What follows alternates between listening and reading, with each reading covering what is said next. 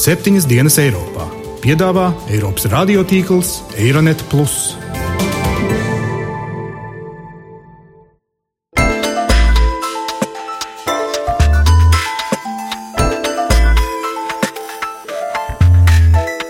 Šonadēļ septiņas dienas Eiropā dzirdēsim. Mēs esam Eiropas kultūras sastāvdaļa. Reizes simts gados atnāk ģēnijs. Auditorijas piesaiste, auditorijas paplašināšana. Tas ir daudz miljonu bizness.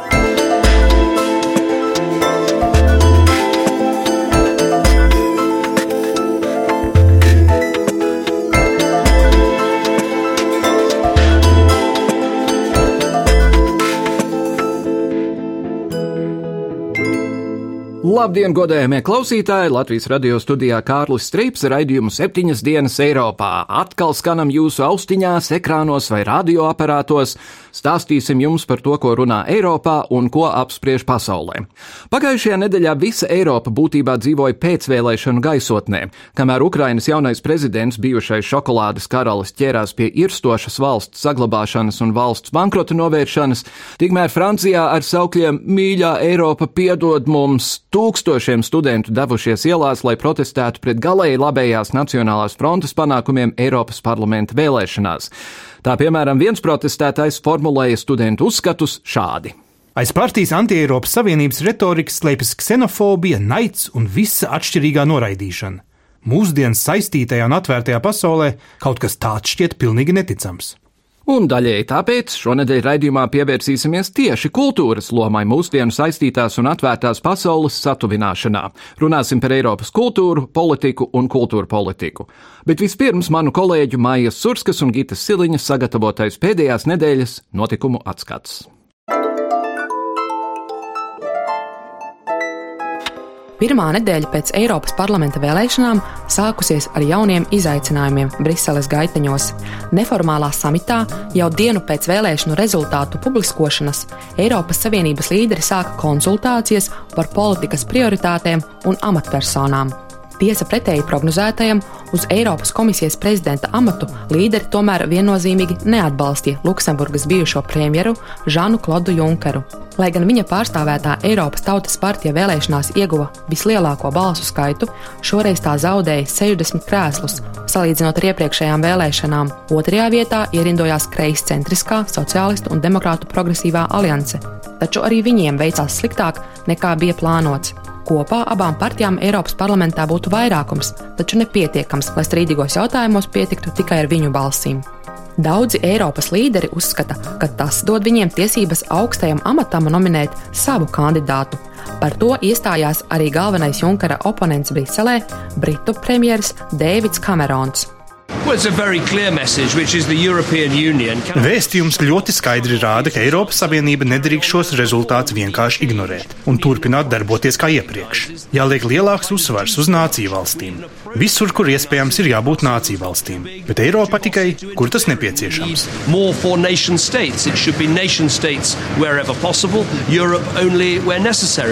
Nespējot rast vienprātību par Jose Manuela Barozo pēcteča izvēli, Eiropas Savienības līderi deleģēja Eiropadomes prezidentu Hermanu Van Rompeju līdz jūnija beigām atrast kandidātu, kas baudītu Eiropas parlamenta deputātu vairākumu atbalstu.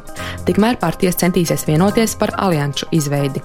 Nīderlandes galēji labējās brīvības partijas līderis Gerts Vilders sacīja, ka ir pārliecināts, ka viņa un Francijas, Itālijas, Beļģijas, kā arī Austrijas populistu partiju līderiem drīz pievienosies vēl citi. Today we have five parties from five different countries, and we all know that we need seven. Mums ir piecas partijas no piecām dažādām valstīm. Un mēs visi zinām, ka ir nepieciešamas septiņas. Esmu pārliecināts, varbūt ne rīt, bet dažās nākamajās dienās Mums izdosies izveidot septiņu partiju aliansi. Esmu pārliecināts, ka tas notiks, jo šodien mēs rakstām Eiropas Savienības vēsturi. Tikmēr Ukraina pēc prezidenta vēlēšanām sākusi iet ceļu uz lielāku integrāciju Eiropas Savienībā. Valsts paziņoja, ka sāk procesu, lai izstātos no neatkarīgo valstu savienības, bet jaunievēlētais prezidents Petro Porošenko pasteidzinājis Eiropas Savienības asociācijas līguma noslēgšanu. Sākotnējā līguma ekonomikas daļu bija plānots parakstīt 27. jūnijā kopā ar Gruziju un Moldovu, taču Porošenko paudis vēlmi to izdarīt tūlīt pēc savas inaugurācijas.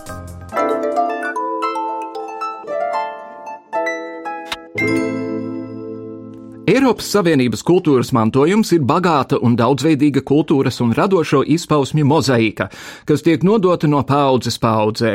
Šī mozaīka ietver sevi arhitektūras šedevrus, arheoloģiskos izrakumus, muzejus, pieminekļus, mākslas, literatūras, mūzikas un audiovizuālos darbus, kā arī Eiropas pilsoņu zināšanas, pieredzi un tradīcijas.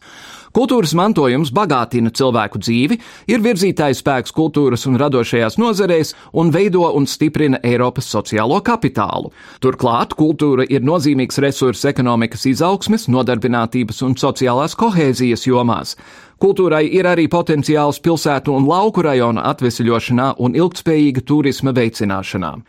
Politika šajā jomā galvenokārt ir katras dalību valsts atbildība, toties Eiropas Savienība ir apņēmusies aizsargāt un veicināt Eiropas kultūras mantojumu, izmantojot virkni atbalsta programmu.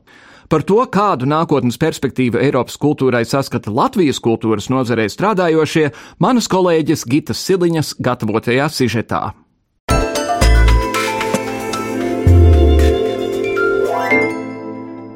2014. gads ir Rīgas gads.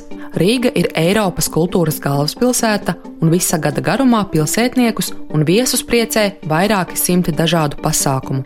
Rīgas 14. gada programmas nosaukums ir Force Majeure, kā kultūras notikumu katalizators un provokators. Kultūras gada programma tika atklāta janvāra vidū, un viens no atklāšanas pasākumiem bija unikāla akcija. Cilvēki dzīvajā ķēdē no rokas rokā nodeva grāmatas no vecās Latvijas Nacionālās bibliotēkas ēkas uz jauno gaismas pili. Nu jau gads ir pusē, daudzi notikumi aiz muguras, virkne vēl priekšā, bet paralēli notiek vēl citi procesi, kas arī turpmāk ilgtermiņā liks domāt par kultūras norišu lomu ikdienas dzīvē. Sarunā par Eiropas kultūra programmu aktualitātēm Latvijas literatūras centra direktors Jānis Oga iezīmē notikumus visai tuvā nākotnē.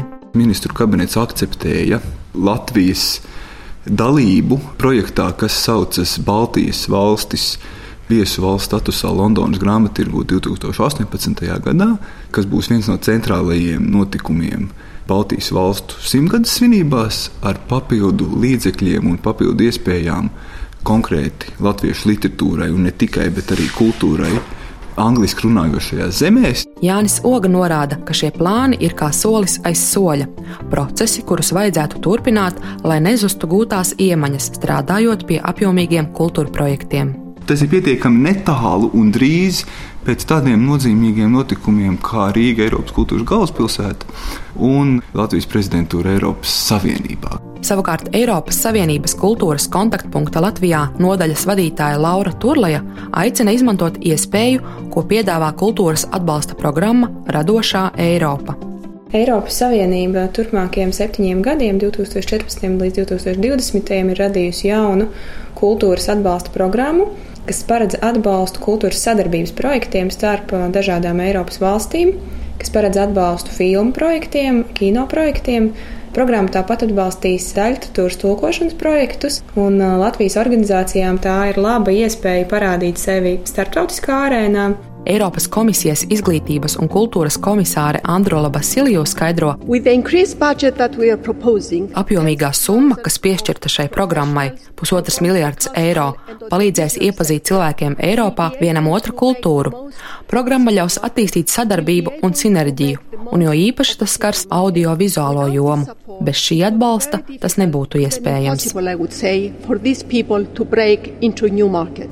Laura Turlēja norāda, ka jaunā programma paredzēta, lai atbalstītu projektus, kam ir pārobežu aspekts.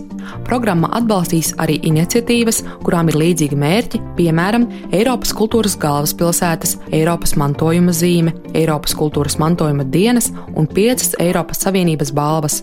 Starp tām arī Eiropas Savienības kultūras mantojuma, Eiropas Savienības mūsdienu arhitektūras balva un Eiropas Savienības literatūras balva. Būtisks nosacījums šajā programmā ir sadarbības veidošana. Tad projekti ir jāveido kopā ar citām valstīm. Taču pirmais sadarbības solis, manuprāt, varētu būt arī tāda vietēja partnerība. Daudzas Latvijas organizācijas ir salīdzinoši nelielas, taču, lai startētu Eiropas Savienības projektu konkursos, mums iespējams ir jāpraugās apkārt, vai līdzīgas idejas nav arī mūsu kolēģiem. Ko šāda iespēja nozīmē kultūras nozarēm Latvijā, piemēram, literatūras nozarei, vērtē Jānis Oga. Manuprāt, radošā Eiropa piedāvā ļoti labas iespējas apgādiem, ja mēs šeit runājam par komercstruktūrām, kuras potenciāli izdod latviešu literatūras tulkojumus ārzemēs. Uzņēmējiem, kuri ir gatavi riskēt, kuri ir gatavi uzņemties ilgtermiņa saistības, un kas nemazāk būtiski pēc aktivitāšu veikšanas arī par tām sīki atskaitīties finansējumu devējiem, konkrēti Eiropas komisijai. Programma Radošā Eiropa ir pieejama iespēja Eiropas kultūras un radošo nozaru profesionāļiem neatkarīgi no to pārstāvētās mākslas disciplīnas, un tās sniegs atbalstu starptautiskām aktivitātēm Eiropas Savienībā un arī ārpus tās. Tas akcents ir uz tādiem jaunradas, innovatīviem projektiem, kurus jau dalībvalsts neatbalsta no kādiem tādiem regulāriem finansējuma avotiem. Eiropas Savienība nevēlas īsti šajos konkursos redzēt mūsu regulāros festivālus, jau tradicionālos svētkus, kurus mēs tāpat organizējam katru gadu. Viņi vēlas redzēt mērķiecīgi veidotu sadarbības projektus ar vairākām valstīm, kas iesaista vienlīdz visas valstis. Līdz ar to mēs nevaram šeit startēt tikai ar tādiem Latvijas projektiem. Mums tie visi ir jāpavērš plašākā starptautiskā mērogā. Laura Turlai akcentē, ka iecerē ir būtiska auditorijas paplašināšana, nepieciešamība aizsniegt ikvienu. Būtiska prioritāte šajā programmā ir auditorijas piesaiste, auditorijas paplašināšana. Tas ir kritērijs, kas jāņem vērā visos projektos, Iesniedzot radošajā Eiropā, Eiropas komisija vēlas dzirdēt, kā šie projekti strādās ar jaunām auditorijām, kā es teicu, ar cilvēkiem, kas vēl kultūru tik labi nepazīst. Tas ir ļoti būtisks akcents šajā programmā tieši auditorijas paplašināšana, auditorijas piesaiste, kultūras pieejamības veicināšana daudz plašākā mērogā nekā varbūt tas bijis līdz šim. Savukārt sarunā par kino nozares iespējām likt lietā programmas radošā Eiropa labumus, kino režisors Dāvis Sīmanis vērtē jau līdz šim paveikto kino nozarē pēdējo 20 gadu laikā. Neskatoties uz ļoti zemo finansējumu, Latvija ir spējusi piedāvāt kvalitatīvu un ļoti vērtīgu kino, ko novērtē gan skatītāji, gan kinofestivāla žūrijas Eiropā un arī citur pasaulē. Protams, mēs esam Eiropas kultūras sastāvdaļa. Mūsu kultūra ir savā ziņā unikāla, un filmas, kuras mēs varam piedāvāt, viņas ir tieši tikpat nozīmīgas kā jebkuras citas Eiropas nācijas radītas filmas. Ja, šajā ziņā mums ir jājūt zināms lepnums par to. Tas arī viens no faktoriem, ka mums varbūt tieši pietrūks mazliet vietējās auditorijas, vietējā skatītāja atbalsts, lai mēs varētu daudz, varbūt kaut kā atvērtāk arī šo Eiropas auditoriju uzrunāt. Tā kā es domāju, nav nekādi citi faktori. Cits jautājums ir tas, kā Eiropa var mums palīdzēt veidot filmas. Un, protams, ka tas ir kaut kāda veida finansiālās schēmas, kas ir pirmkārt saistītas ar agrāko mēdīju programmu. Tagad tas ir šīs radošās Eiropas sastāvā. Nepieciešamību un spēju uzrunāt plašāku auditoriju, tātad ārpus Latvijas, saredz gan literatūras, gan kino nozares pārstāvji. Vienlaikus tiek norādīts, ka vajadzīgs ne tikai uzrunāt ārpus, bet nopietni turpināt izglītot tepat mūsu vietējos, Latvijā mītošos cilvēkus. Turpina Jānis Oga. Arvien lielāka nozīme ir tam, ko var izdarīt skolotājs, ko var izdarīt augstskolas pasniedzējs un kā vispār ieinteresēt, lasīt to, ko sauc par kvalitatīvo literatūru, tad proza, dzēja, un vēl jau vairāk, kā lasīt tulkojumus. Jo mēs varam satraukties par to, ka latviešu literatūru nepazīst vai nezina ārzemēs, bet lielākā daļa no mums nespēja nosaukt mūsdienu lietuviešu, igauņu, čehu, slovāku, poļu un citus rakstniekus. Tas pats ar komponistiem, tas pats ar roka grupām, tas pats arī ar kino režisoriem, kad mēs pēdējo reizi esam redzējuši lietuviešu vai igauņu mākslas filmu. Šodien, lai pastāstītu par šī gada Cannes festivālu un par Latvijas kino Eiropā un Eiropas kino pasaulē, esam aicinājuši Nacionālā kinocentra jauno vadītāju, kinokritiķi Ditu Rietumu. Labdien! Labdien! Ko vidējam cilvēkam pasakīs šis Cannes festivāls? It kā mēs zinām, ka viņš tur notiek, bet kaut kā tas liekas ļoti elitāri un smalki. Jocīgi, ka tā liekas. Būtībā Kannu festivāls tas ir galvenais pasaules un Eiropas kino dzīves notikums, ja mēs izslēdzam no šīs konkurences Amerikas Kinoakadēmijas ceremoniju Oskars, kas pamatā tomēr attiecās uz Amerikas kino biznesu, jā, kas, protams, ir globāls. Bet, ja mēs runājam par nacionālajiem kinematogrāfiem un kinematogrāfijām tāds kā latviešu kino vai, teiksim, franču kino vai vācu kino vai itāļu kino, kino, tad uh, Eiropai šis Kanu kinofestivāls ir vislielākais notikums gada kontekstā, jo Kanu kinofestivāls, kurš šogad notika jau 67. reizi, tā kā tas nav nekāds nieks, tā ir uh, milzīga tradīcija, milzīgs kultūras lānis, un ja teiksim, man būtu pa gadiem jāsaliek Kanu kinofestivāla oficiālās skatis vai konkursu uzvarētāju un uh, filmas, kas ir ierakstīts kino vēsturē, tad tas korelētu ļoti labi, jo būtībā šis Kānu kinofestivāls veido vēsturi, veido hierarhiju savu veidu, arī biznesa hierarhiju, jo, ja sarežģīta ārthouse vai mākslas filma ir uzvarējusi Kānu kinofestivālā, tas nenoliedzami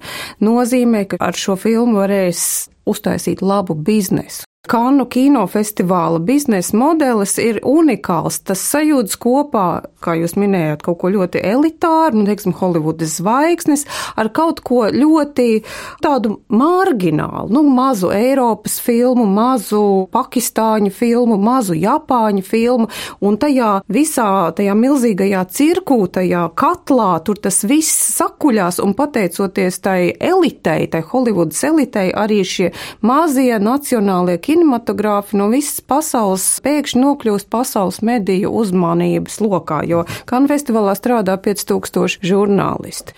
Un, protams, paralēli šīm oficiālajām skatēm un konkursam, lielam konkursam, otrās pakāpes konkursam, vēl tur daudzām dažādām skatēm, ir arī tirgus. Nu, un tur jau nu, notiek tas, kas notiek tirgū. Atrod izplatītājus. Atrod izplatītājus, atrod līdzproducents nākamajam projektam, atrod festivāli, teiksim, filmas, ko uzaicināt uz festivāliem, atrod televīzijas filmas, ko nopirkt un izplatīt. Tā kā tas ir daudz miljonu bizness. Mm -hmm.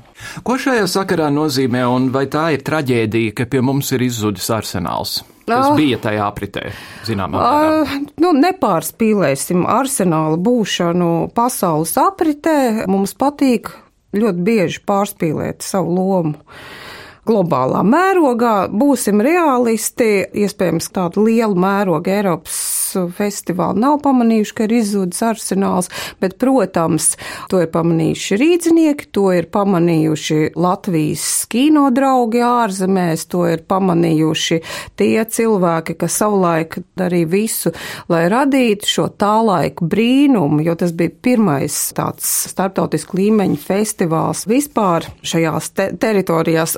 Tas, ka arsenāls izbeidzās, ir skumji, tas ir savā veidā traģiski, ka ļāva šim festivālam iznīkt un mhm. pēcāk arī nomirt. Attiecībā uz kanām, ja es nemaldos, es lasīju, jūs rakstījāt eh, laikrakstos, kamēr jūs tur bijāt, ka šogad Latvija tur būtībā nebija pārstāvēta. Cik tas ir svarīgi un cik mums ir režisoru, kas reāli ārpus Lailas pakalniņas uztaisa kaut ko, kas būtu reāls kanā? Tātad, nu, teiksim tā, kā nebija pārstāvēta. Latvija bija pārstāvēta kino tirgū, tātad ar ļoti glītu paviljonu, ko lielā mērā palīdzēja realizēt Latvijas investīciju un attīstības aģentūra. Bet neskatē. Bet neskatē, protams. Oficiālajā skatē, teiksim, lielajā konkursu skatē Latvija nav piedalījusies nekad. Mēs līdz tam neesam tikuši. Bet, lai mums ir mierīgāk ap sirdi, arī Igaunija nav šai skatē piedalījusies, arī Lietuva šai skatē nav piedalījusies. Pat tāda mega valsts kā Krievija ar ļoti bagātīgu kino kultūras mantojumu šajā skatē piedalās varbūt reizi piecos gados, varbūt reizi pat astoņos gados.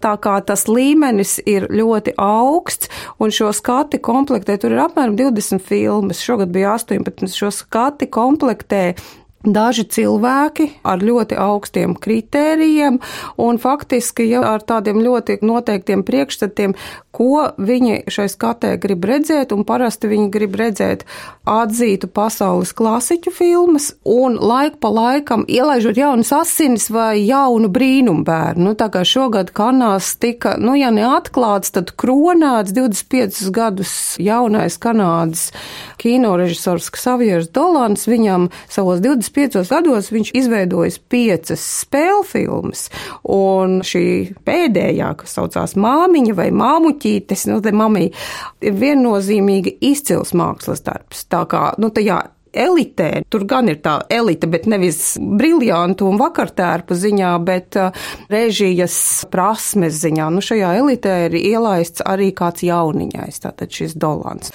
Kam jānotiek, lai mēs tur tiktu, un vai tas vispār ir iespējams? Jā, tas ir vispār iespējams, jo tur ir tikuši dāņi, 90. gadu vidū viss sākās starptautiskais bums, kas saistīts ar dāņu kino, pateicoties konkrētiem režisoriem, ļoti spilgtiem talantiem, vispirms jau pateicoties Larsam Fontrīram, kurš pievērs uzmanību ne tikai sev ar savām filmām, bet arī visam reģionam, visam dāņu kinematogrāfam.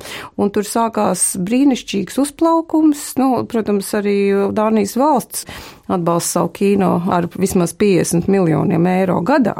Bet nu, tā ir ļoti svarīga Dānijas kultūras eksporta prece, un Dānijas kino ir ļoti spēcīgs ne tikai Eiropas kontekstā, bet arī pasaules kontekstā. Un, ja ir kāds reģions, ar ko mēs it kā varbūt varam pat tā organiskāk salīdzināties no ekonomiskā līmeņa ziņā, tad tā ir Rumānija, un arī Rumānija 2000. gadu vidū izdarīja noteiktu izrāvienu, ka šīs valsts filma uzvarēja Kānu kinofestivālā, saņēma zelta palmas zaru, un līdz ar to uzreiz parauja sev līdz visu reģionu. Mm -hmm. Un viss dāņu kino ir slavens, rumāņu kino arī ir modē pasaulē. Savukārt, tad, kad pie mums taisa lielas spēļu filmas, ja es paskatos uz tām, kuras ir bijušas, teiksim, es nezinu, cik liela starptautiskā aprite var būt filmai, piemēram, par baigo gadu vai par Rudolfu mantojumu, kas ir lielā mērā latviešu simboliska filma. Un grūti spriest, ko tādā gadījumā, ko varētu piedāvāt tādā starptautiskā līmenī. Kanu kinofestivālu interesē ļoti spilgta mākslinieciska izpausme, nevis produkti, kas ir orientēti uz lokālu auditoriju un piedāvā ļoti tradicionāls izteiksmes līdzekļus. Jūsu pieminētās filmas, abas šīs filmas ir lokāli orientētas un izmanto ļoti tradicionāls izteiksmes līdzekļus. Šīs filmas neatbilst Kānu festivāla formātam. Šīs filmas iespējams atbilst televīzija formātam, arī varbūt Eiropā ir kāda televīzija, kas vēlas pastāstīt par Latvijas vēsturi, sevišķi nāk 15. gads, tātad Eiropas prezidentūra, nu tātad ļoti labs laiks, lai piedāvātu šādas filmas arī televīzijas kanāliem, kas ir orientēti uz daudz plašāku auditoriju. Vai šo jūsu minēto māksliniecisko kvalitāti var sasniegt bez liela kalna naudas? Bez milzīga kalna naudas, jā, var paveikties teiksim, savā ziņā šāds veiksmes stāsts ir Jāņa Norda, mamma, es tevi mīlu.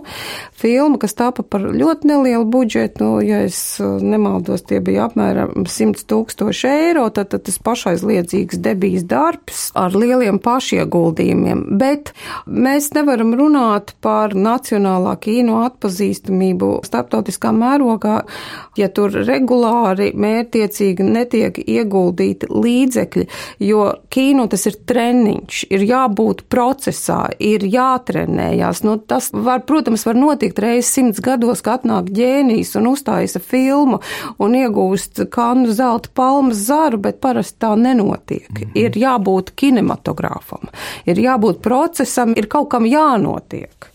Ir sācies Eiropas jaunais plānošanas periods, un kā mēs ziņojām sižetā pirms brīža, uzsvars pat labam tiek likts uz sadarbību starp Eiropas dažādajām valstīm, un tā jau tas vienmēr ir bijis.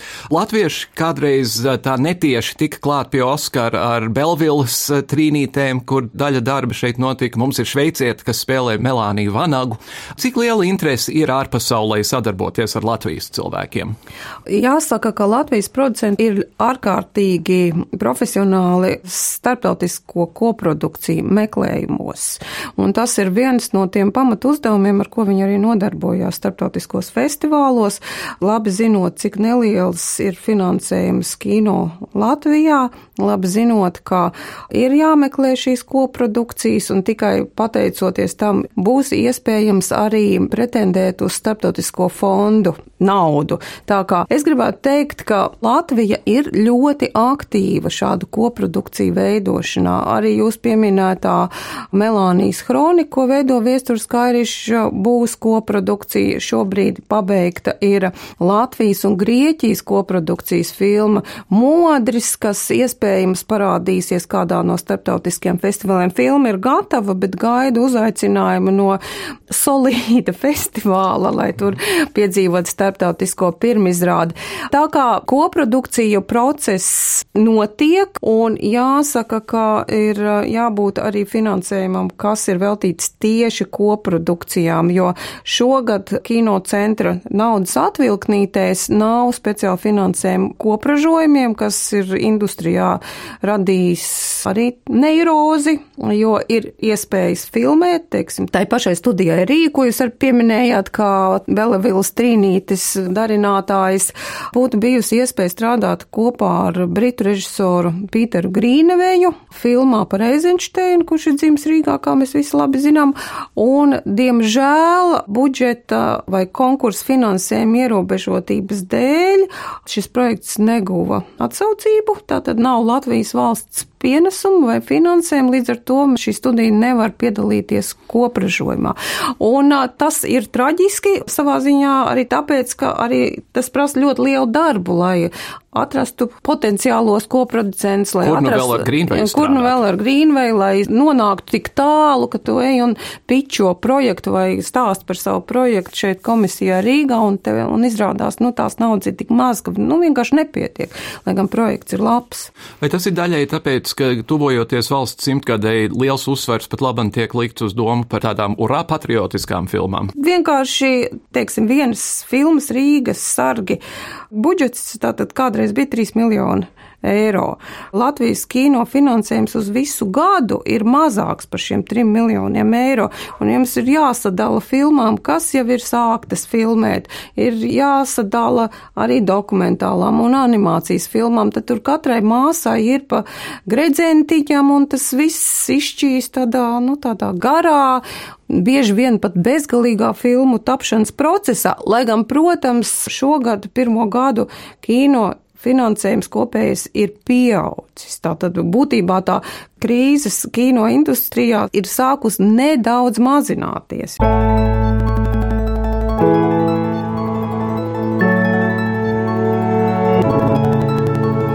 Kas tuvākajā laikā, ko kinocentrs darīs? Kinocentrs ir iesaistīts daudz un dažādos projektos.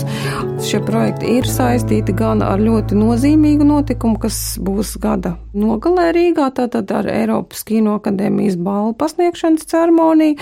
Tas ir decembris. Pirms tam būs Rīgas filmu festivāls, tātad mēģinājums savā veidā atjaunot arsenāla tradīcijas. Lai gan, protams, mērķis ir uzkurināt vai veicināt uh, rīdzinieku un Latvijas iedzīvotāju interesi par Eiropas kino un Latvijas kino kā loģiska Eiropas kino sastāvdaļa. Tā būs skate, kas ļauj iepazīties ar Eiropas filmām, kas ir nominētas Eiropas Oskaram, mhm. un arī dažādas citas skates. Tā skaitā arī lielais kristaps, kas būs tur ieintegrēts iekšā. Skaidrs. Tīteriet un paldies jums par sarunu. Paldies! Seneka reiz teica, ka augsne vienalga cik bagātīga, bez kultivēšanas nevar būt ražīga, tāpat prāts bez kultūras nekad neradīs labus augļus. Arī raidījums septiņas dienas Eiropā cenšas kultivēt sakarus ar visiem, kam ir labi prāta augļi un auglīgi prāti. Pasaules veselības organizācijas pārstāve Latvijā Aiga Rūrāne aicina pievērst uzmanību notikumiem Balkānu valstīs, ja gadījumā ir iecerē doties baudīt atvaļinājumu tieši šī pasaules daļā. Gribētu informēt mūsu klausītājus par joprojām nopietno situāciju Balkānos, un tā ir attiecībā uz plūdiem. Un šeit iet runa konkrēti par trim valstīm - tā ir Bosnija, Hercegovina, Serbija un Horvātija kur maija vidū sākās šīs ārkārtīgi spēcīgās lietus gāzes, ilgstošās, ko bija izraisījis ciklons vārdā Tamāra, kas ved pie tā, ka aplūda liela šo trīs valstu teritorija. Situācija joprojām ir nopietna tajā ziņā, ka ir bijuši cilvēku upuri, vairāk kā 50 cilvēki ir gājuši jau bojā kopš māja vidus. Ir evakuēti vairāk kā 80 tūkstoši iedzīvotāji. Ir ļoti nopietni ekonomiskie zaudējumi šīm valstīm, ir ļoti nopietni bojājumi attiecībā uz tiltiem, uz ceļiem, uz elektrības apgādi, tīru ūdens piegādi. Un joprojām pastāv šīs sabiedrības veselības riski un attiecībā uz īpaši uz infekcijas slimību attīstību. Valdības institūcijas strādā ļoti operatīvi, valsts un pašvaldību institūcijas, atbilstošās institūcijas šajās valstīs strādā ļoti pašaizliedzīgi dienu un nakti. Neapšaubām starptautiskā sabiedrība ir iesaistīta, tiek mobilizēta humanā palīdzība, tā skaitā Pasaules veselības organizācija ir bijusi iesaistīta. Tā ka pamazām situācija regulējas un stabilizējas, un mēs skatāmies neapšaubām uz cerībām, bet gan jāsaka, ka tik milzu liela plūdu katastrofa šīs valstīs tiek reģistrēta pirmo reizi. Tā ka tas savā ziņā ir vēsturisks notikums arī šajā ziņā. Tā ir informācija, ko ņemt vērā mūsu iedzīvotājiem, mūsu ceļotājiem, jo šīs Balkānu valsts, es domāju, īpaši Horvātija, ir labi pazīstama kā turisma galamērķis.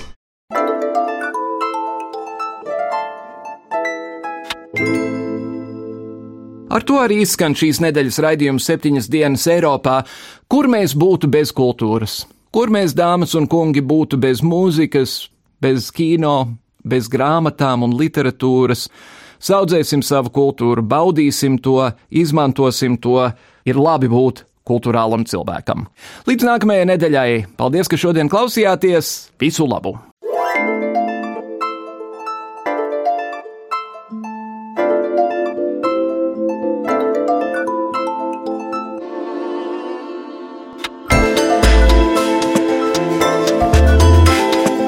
Raidījumu veido Kārlis Streips, Gita Siliņa un Jānis Krops. Producents Lukas Rozītis.